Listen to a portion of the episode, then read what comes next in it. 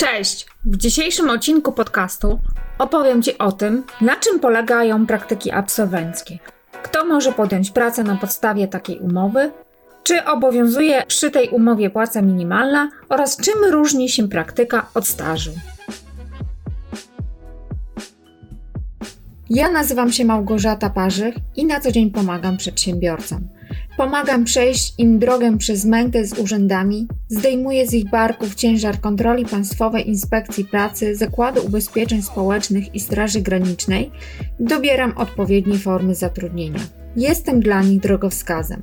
O praktykach absolwenckich dowiesz się słuchając dzisiejszego nagrania. Dlatego słuchaj uważnie, bo być może właśnie Tobie się to przyda. Umowa o praktykę absolwencką jest dość niedocenianą i wciąż mało znaną formą zatrudnienia. A to błąd. Ma ona bardzo wiele korzyści dla obu stron. Mianowicie, pracodawca może zyskać ambitnego pracownika, a absolwent ma możliwość pracy w zawodzie w firmach, których przy normalnej rekrutacji mógłby pomarzyć. Często po okresie umowy o praktykę absolwencką zatrudnia się takiego pracownika. Umowa o praktyki absolwenckie obecna jest w Polsce od lipca 2009 roku. Mimo iż od tamtej pory minęło kilka lat, wiele osób nie zdaje sobie sprawy, że taka umowa w ogóle istnieje. Umowę o praktyki absolwenckiej reguluje ustawa z 17 lipca 2009 roku o praktykach absolwenckich oraz kodeks pracy z dnia 26 czerwca 1976 roku. Umowa ta na celu miała pomóc absolwentom w uzyskaniu doświadczenia i nabycia umiejętności niezbędnych do wykonywania pracy. Jest to alternatywa dla stażu absolwenckiego, który obejmuje dość wąską grupę bezrobotnych. Praktyka absolwencka daje możliwość zdobycia doświadczenia zawodowego bez pośrednictwa Urzędu Pracy ani żadnej innej instytucji. Stwarza ona możliwość elastycznego kształtowania postanowień umowy absolwenckiej. Posiada jednak ograniczenia, by nie była nadużywana. Praktykantem w rozumieniu ustawy może być osoba, która ukończyła co najmniej szkołę podstawową, ośmioklasową szkołę podstawową, gimnazjum i nie przekroczyła 30 roku życia. Przyjąć praktykanta do nauki może zarówno, zarówno, osoba fizyczna, jak i prawna, jak i jednostka organizacyjna nieposiadająca osobowości prawnej. Praktyka może odbywać się bezpłatnie lub odpłatnie. Jeżeli praktyka będzie płatna, należy pamiętać, że wysokość miesięcznego świadczenia pieniężnego nie może przekraczać dwukrotności wysokości minimalnego wynagrodzenia za pracę ustalonego na podstawie ustawy o minimalnym wynagrodzeniu za pracę aby praktyka absolwencka była zawiązana, obie strony muszą podpisać umowę, która powinna w szczególności określać rodzaj pracy, w ramach której praktykant ma uzyskać doświadczenie, nabyć umiejętności praktykanta, okres odbywania praktyki, tygodniowy wymiar czasu pracy w ramach praktyki, wysokość świadczenia pieniężnego, jeżeli ma być odpłatna. Umowa o praktyki absolwenckiej nie może być zawiązana na okres dłuższy niż 3 miesiące. Co prawda, można ponownie przyjąć praktykanta, jeśli wcześniej wykonał obowiązki krócej, ale łącznie jego praca nie może trwać dłużej niż 3 miesiące, które liczone są po dodaniu okresów praktyk wskazanych we wszystkich umowach z tym samym podmiotem.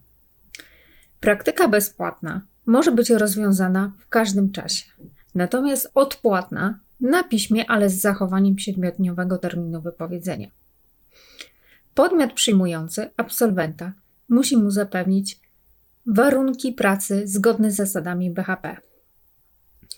Po zakończeniu praktyk pracodawca powinien wystawić zaświadczenie potwierdzające fakt ich odbywania. Odbywanie praktyk nie stanowi przeszkody do nabycia oraz posiadania statusu bezrobotnego.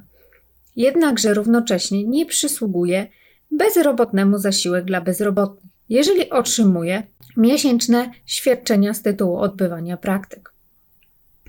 Należy pamiętać, że głównym celem absolwenckich praktyk jest zdobycie doświadczenia i przyuczenie się do zawodu.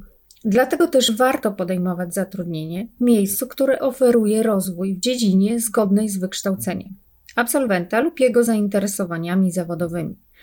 Nie jest to jednak warunek konieczny.